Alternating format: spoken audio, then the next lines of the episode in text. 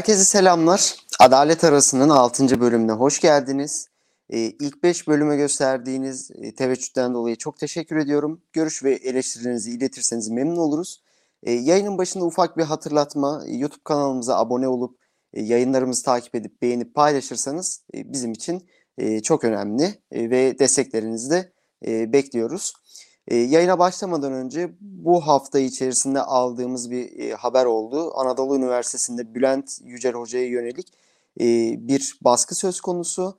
E, en sonunda yaptığı anayasa sınavının iptali ve sınavın ardından da kendisine verilen bir ceza var. Bir disiplin soruşturması geçiriyormuş aynı zamanda. Bülent Hoca'ya da buradan desteklerimizi iletmek istiyorum. Dayanışma ruhu ile birlikte karanlıkta mücadele etmeye devam edeceğiz. Hemen e, böyle gündemimiz biraz yoğun her zamanki gibi ve e, gündeme 11 Ocak'taki duruşmalarla başlamak gerekiyor. 11 Ocak'ta bildiğiniz gibi bir önceki yayında da bahsettik. E, Türkiye'de e, önde gelen birçok e, olayı ile ilgili duruşmalar vardı. Bunlardan bir tanesi Yeşiller Partisi'nin kuruluşuna ilişkin duruşmaydı. E, nihai e, karar açıklanmadı. Yazılı olarak bildirileceği e, iletildi taraflara 15 gün içerisinde. E, ekranda da gördüğünüz gibi e, Yeşiller Partisi'nin e, mahkemeye giden ve e, duruşmayı seyreden ekibini görüyorsunuz. E, sol tarafta partinin avukatı e, ve diğer katılımcılarla birlikte e, partinin karar duruşmasına gidildi ve izlendi. E, duruşmadan olumlu e, etkiler olduğu gözlemlendi. Bakanlığın bir avukat tarafından temsil edildiğini ve avukatın e, çok tecrübeli biri olmadığını ve daha çok e, hani biz bir kuruma danışalım öyle gelelim e, tarzında bir savunma yaptığı e, iletildi.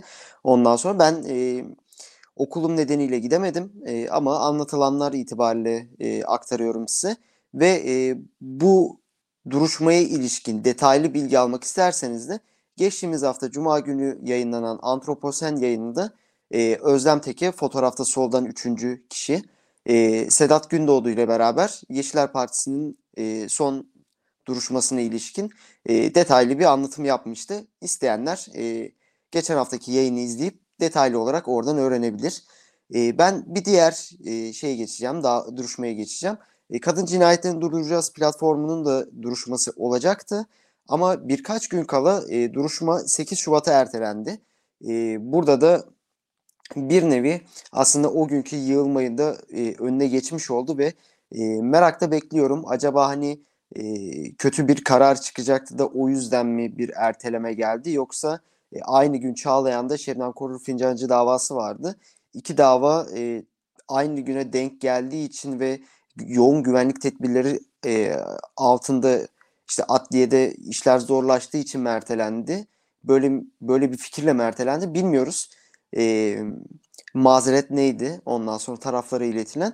E, 8 Şubat'ta e, platformun davası ile ilgili durumu zaten e, takipteyiz. Onu da tekrardan aktarız yayının e, diğer kısımlarında. E, bir diğer duruşma ise Şebnem Korur Fincancı duruşmasıydı. E, duruşmadan iki tane sonuçla çıktık. Bunlardan birincisi Şebnem Korur Fincancı 2 yıl 8 ay 15 gün hapis cezası ile cezalandırıldı. Ve e, tahliye edildi aynı gün. E, şimdi burada şunu bahsetmek gerekiyor. Burada Şebnem Korur Fincancı bir ceza aldı.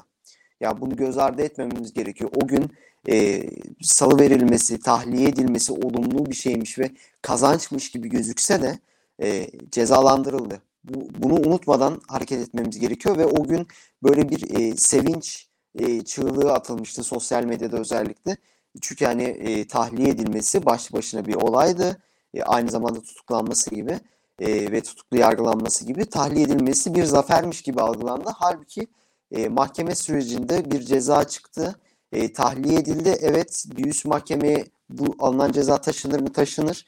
E, sonuç ne olur bilinmez bir mahkemede ama e, hali hazırda e, bizim e, dikkatli davranmamız ve hukuki süreçleri e, takip ederken olabildiğince heyecanımızı biraz daha arka planda tutarak daha somut ve rasyonel gerçekliğe uygun bir şekilde hareket etmemiz gerekiyor. Aksi takdirde e, yani üzülmememiz gereken durumlarda da üzülebiliriz. E, onu da uyarısını yapmamız gerekiyor. Buradan da Şebnem Korur Fincancı'ya da e, geçmiş olsun e, dileklerimi ileteyim. E, bir diğer duruşma ise bu 11 Ocak'ta görülecek bir duruşma değildi e, somut tarih olarak ama e, bugün açıklanan e, bir karar oldu. E, İzmir Bölge Adliye Mahkemesi Pınar Gültekin davasında e, esasdan bir bozma verdi ve ilk derece mahkemesine dosyayı geri gönderdi. 15 e, Şubat'ta e, dosya yeniden görüşülecek. E, bunu da gün içerisinde yayınlanan bir kararda hemen yayına alıp ondan sonra sizinle de paylaşmak istedik. Gündemimizin ikinci maddesi ise Trendyol Go kuryelerinin eylemi. Bildiğiniz gibi yeni yıla girmeden önce BK ERT işçilerinin e, Kocaeli'de greviyle başlamıştık ve grevi yasaklanmıştı. E, 18 günlük bir grev süreci olmuştu grev yasağına rağmen ve e, işçiler e, hak ettikleri e, zammı alarak %80'in üzerinde bir zam alarak grevi sonlandırmıştı. Grev başarıyla sonuçlanmıştı. E, yeni yılın e, ilk grevlerinden bir tanesi de e, motokuryeler motokuryeliler e, sendikasının örgütlediği e, Trendyol Go işçilerinin e, yaptığı eylem. E, şu an fotoğrafta Maslak'taki Trendyol binasının önünde e, konuşlanan e, ve eylem yapan Trendyol Go kuryelerini görmektesiniz. E, belli başlı talepleri var. Bunların e, bir kısmı herkesin malumu. E, maaşlarına zam yapılması, e, çalışma koşullarının iyileştirilmesi e, gibi e, sebeplerle e, eylemlerini yapmaktalar. E, aynı zamanda 18 maddelik bir talep e, listesi de açıklandı. Tabii e, bu eylem gerçekleşirken e, sendika görevlileri ve e, eylemdeki topluluğun temsilcileri e, şirket yetkilileriyle görüşmek istediğini belirtmelerine rağmen e, şirket yetkilileri yetkili kimse yok diyerek e, resmen bir olacak o kadar skeci çekerek e, şey yaptılar. Ondan sonra görüşme talebini reddettiler ve e, süreç hala ilerliyor. Bugün e, bu yayın banttan yayınlanacak. E, yayını gündüz çekiyoruz saat e, yaklaşık e, 3.30-4 civarında çekiyoruz biz bu yayını. Ve e, şunu görmekteyiz ki e, şu anda da hala bu eylem devam etmekte ve e, bu görüntüler de gün içerisinde çekilen görüntüler e, ve bakalım e, Trendyol Go işçilerinin e, eylemi ne zaman sona erecek? Başarıyla sonuçlanacak mı? Neler yaşanacak? Bunu da takibindeyiz. E, koşulların iyileştirilmesi, paket başı ücretlerin arttırılması, sefalet ücretini kabul etmeyen Trendyol Go işçilerinin yanındayız. Bunu da e, tekrardan ifade etmek gerekir.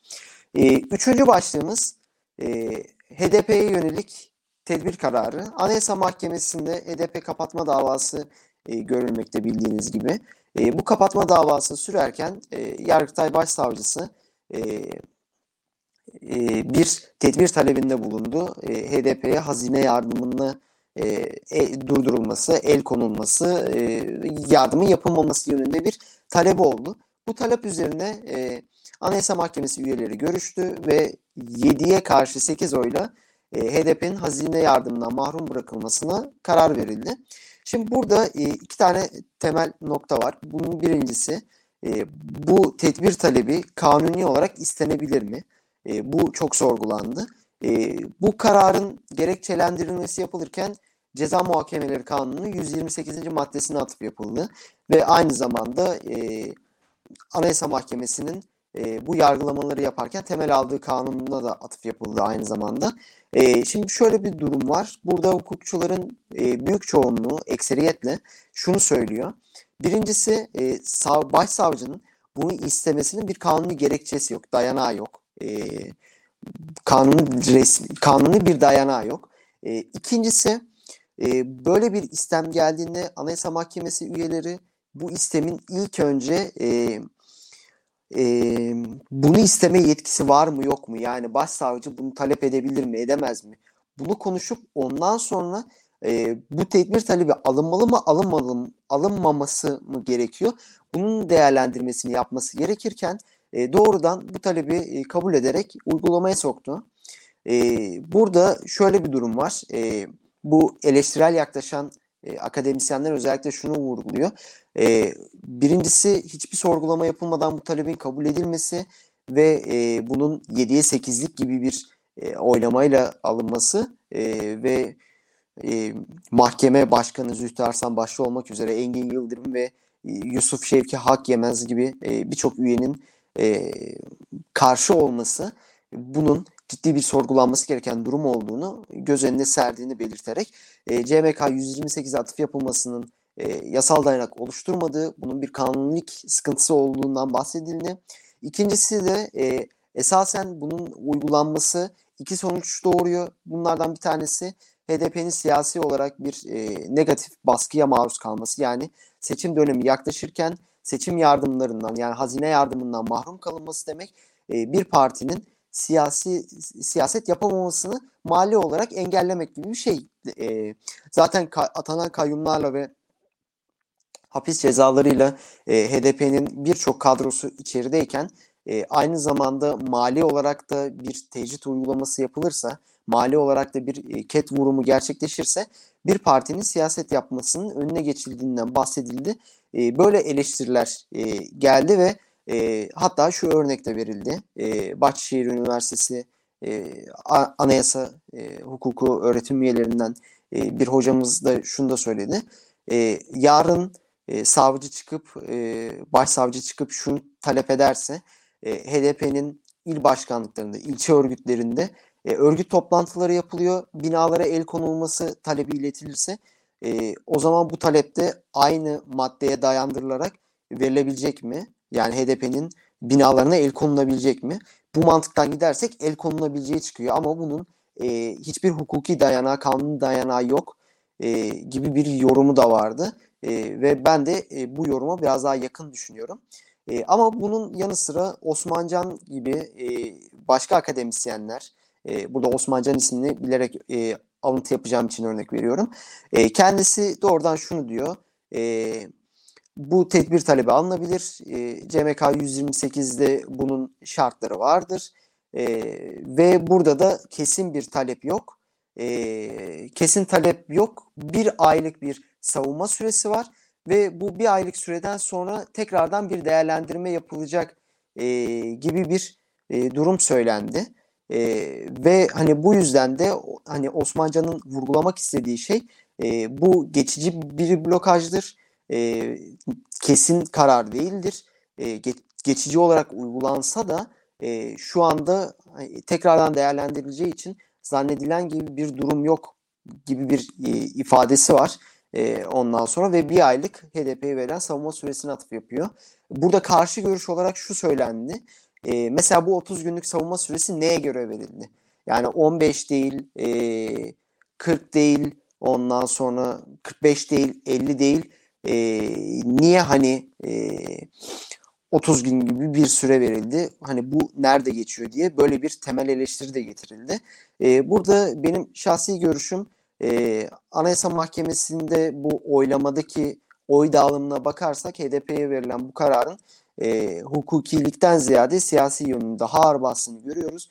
Ve bu mali yardımın da bir nebze e, daha doğrusu hazinenin e, partilere ödediği ödeneğin de kesintiye uğraması e, şu anlama geliyor. Siz hani bir siyaset yapmak istiyorsunuz özellikle seçim dönemi yakınken e, böyle bir şey yapmak istiyorsanız önünüze ket vuruyoruz e, siyasi kadrolarınız e, hapiste, e, mali olarak da sizi e, çöküşe sürüklüyoruz. E, eğer daha fazlası da gerçekleşmesi gerekirse kapatmaya kadar gidebilecek bir süreci e, yaşayabiliriz. E, böyle bir durum var. HDP yönelik bir e, tedbir kararında da hani bu şekilde de e, ifade etmek gerekir e, diye düşünüyorum. E, tekrardan vurgulamak gerekirse ben kararın e, hukukilikten ziyade siyasi bir karar olduğunu düşündüğüm için e, yasal dayanağının e, olmadığı yönünde de e, kanaatimi de belirteyim. Ben burada Osman Can'a çok katılmıyorum açıkçası. Ben daha muhalif e, tarafta olan akademisyenlere katılıyorum. E, burada da CMK 128'e atıf yapıldığında da 128'de de e, başsavcının e, hazine yardımına ilişkin bir tedbir başvurusunun yapabileceğine dair bir ibare göremediğimi de e, ifade etmek isterim açıkçası. Ki keza da e, Osman Hoca da CMK 128'i detaylı bir değinme yapmadan e, tedbir talebi yapılabilir e, ve bu tedbir talebi olarak da öne çıkarılabilir. Burada mahkeme değerlendirme yapmış gibi e, bir çok böyle kanun dayana sorgulamadan yaptığı bir e, gerekçelendirme vardı içeriye bakmadan. O tedbir talepleri e, değinmeden ondan sonra hangi talepler iletilebilir ona değinmeden e, böyle bir değerlendirme yapmıştı. E, bir diğer başlığımız ise e, Selahattin Demirtaş'ın e, Twitter hesabı. E, çok garip bir şekilde e, Selahattin Demirtaş'a yönelik hafta içinde Bekir Bozdağ'ın bir açıklaması oldu. E, Selahattin Demirtaş'ın Twitter hesabının aktif olması ve gündeme dair tweetlerini son dönemde yoğun bir şekilde e, atılması. Yani Selahattin Demirtaş e, neredeyse her gün gündeme dair e, Twitter üzerinden, Twitter hesabı üzerinden açıklamalarını yapabiliyor. E, şu an hali hazırda Edirne'de e, hapishanede olduğu için e, bu Twitter hesabının aracılar vasıtasıyla kullanıldığı ve bunun erişiminin engellenmesi için neler yapılabileceğine dair bir araştırma yapıldığı Bekir Bozdağ tarafından, Adalet Bakanı Bekir Bozdağ tarafından e, aktarıldı. E, hatta açıklamasından bir kesti hemen okuyayım. E, biz bunu önemsiyoruz ve bu konuyu şu anda çalışıyoruz. Yani dünyaya da bakıyoruz ne yapabiliriz. Çünkü bir yandan hükümlü, öte yandan da sosyal medya ve diğer medya mecralarıyla farklı farklı işler yapıyor. Arkadaşlarımız hazırlıklarını bitirince dünyaya bakıp ona göre bir karar vereceğiz gibi bir e, açıklama yaptı.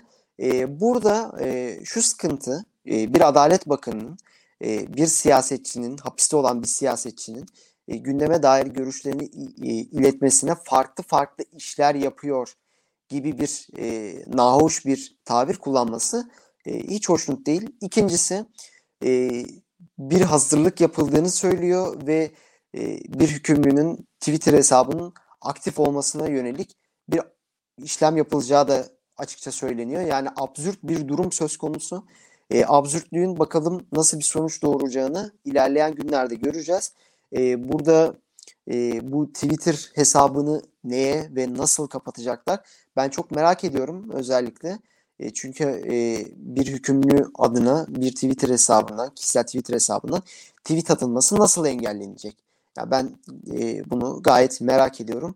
Bakalım nasıl bir değerlendirme yapacaklar. E, merakla beklemekteyim. Yani e, Bekir Bozdağ da bir hukukçu. Ondan sonra böyle e, bir açıklama yapıyorsa e, belli ki e, çok fecaat bir şey gelecek ardından. Yani kişisel bir sosyal medya hesabının e, engellenmesine ilişkin ve de bir kişinin sosyal medya hesabının engellenmesine ilişkin bir durum söz konusu ve e, biz de hani Türkiye Cumhuriyeti'nde şunu gördük yani seçimler öncesinde e, İmralı'dan mektup getirilip TRT'de açıklama yapıldı. E, Öcalan'ın kardeşlerine okutturuldu. E, yanlış hatırlamıyorsam Dicle Üniversitesi'nden bir sosyoloji e, hocası bu mektubu getirdi. E, Birçok şey yapıldı yani. Burada e, hükümet lehine açıklamayı yapmayan e, siyasetçilerin, hükümlülerin, tutukluların hesapları kapatılacak mı komple? Yani bu da böyle bir soruya e, sebebiyet veriyor ve e, net bir şekilde bu belli yani. Demirtaş hükümetin canını sıkan tweetler attığı için, açıklamalara yaptığı için ona yönelik hukuki olmayan, siyasi olan bir hukuki düzenleme yapılacak. Yani burada da artık hani Türkiye'de de şu tabiri geliştirmemiz gerekiyor galiba. Getirilen bir düzenlemenin e, hukukiliğini e, düşünmek yerine ilk önce e, siyasi bir e, düzenleme mi yoksa siyasi bir düzenleme değil mi? Buna karar verdikten sonra bir hukuk incelemesi yapılması gerektiğini düşünüyorum. Aksi takdirde şöyle bir durum oluyor. E, bazı maddelere atıf yapılıyor e, ama hani maddeler tamamen dayanak olarak e, kullanılamıyor. Ama uygulamaya sokulduğu için e, Türkiye Cumhuriyeti vatandaşlarının temel hak ve özgürlükleri kısıtlanmış oluyor ve e, bu kısıtlama mahkeme kararlarıyla ilerleyen dönemde ortadan kaldırılsa da e, insan hakları ihlal edildikten sonra bir daha temini gerçekleşmeyen, e, sağlanmayan şeyler ve e, bir kere insan hayatına müdahale edildiğinde e, o müdahale yok sayılmış gibi bir e, devam söz konusu olmuyor. Bu da e, ister para ister diğer yeniden yargılanma gibi çeşitli unsurlarla yeniden düzenlenmeye çalışılsa da telafi edilmeye çalışılsa da tam telafi gerçekleşmiyor ve o yüzden insan haklarına müdahale edilmeden önce e, daha dikkatli olunması gerektiği ve aslında tüm hukuk e, düzleminin insanın haklarının ihlal edilmemesi üzerine kurgulandığında e, unutmamamız gerekiyor ve bu yüzden de Selahattin Demirtaş'ın Twitter hesabının kapatılmasına yönelik bir hukuki düzenlemenin e, hukuki düzenleme olmadığı bir siyasi düzenleme, bir siyasi adım olduğunda tekrardan vurgulamak ve olayın absürtlüğüne de dikkat çekmek istedim açıkçası. E, bir sonraki başlığımız ise e, 4. Levent'te İstanbul'da 4. Levent ya da 4 Levent denilen bölgedeki e, Safir AVM'ye ilişkin Safir binası, Safir AVM, Safir Teras e, gibi farklı e, blokları olan e, ya da farklı işlevleri olan e, bir durum söz konusu. E, bu yakın dönemde açığa çıkan bir satış gerçekleşti. E, şimdi e, 2019'un sonlarına doğru e, AK Parti Bitlis milletvekili Vahit Kiler'in e, sahibi olduğu bir şirketin borçları üzerin sebebiyle e, Halk Bankası e, 100 milyon dolara Safir'i satın aldı.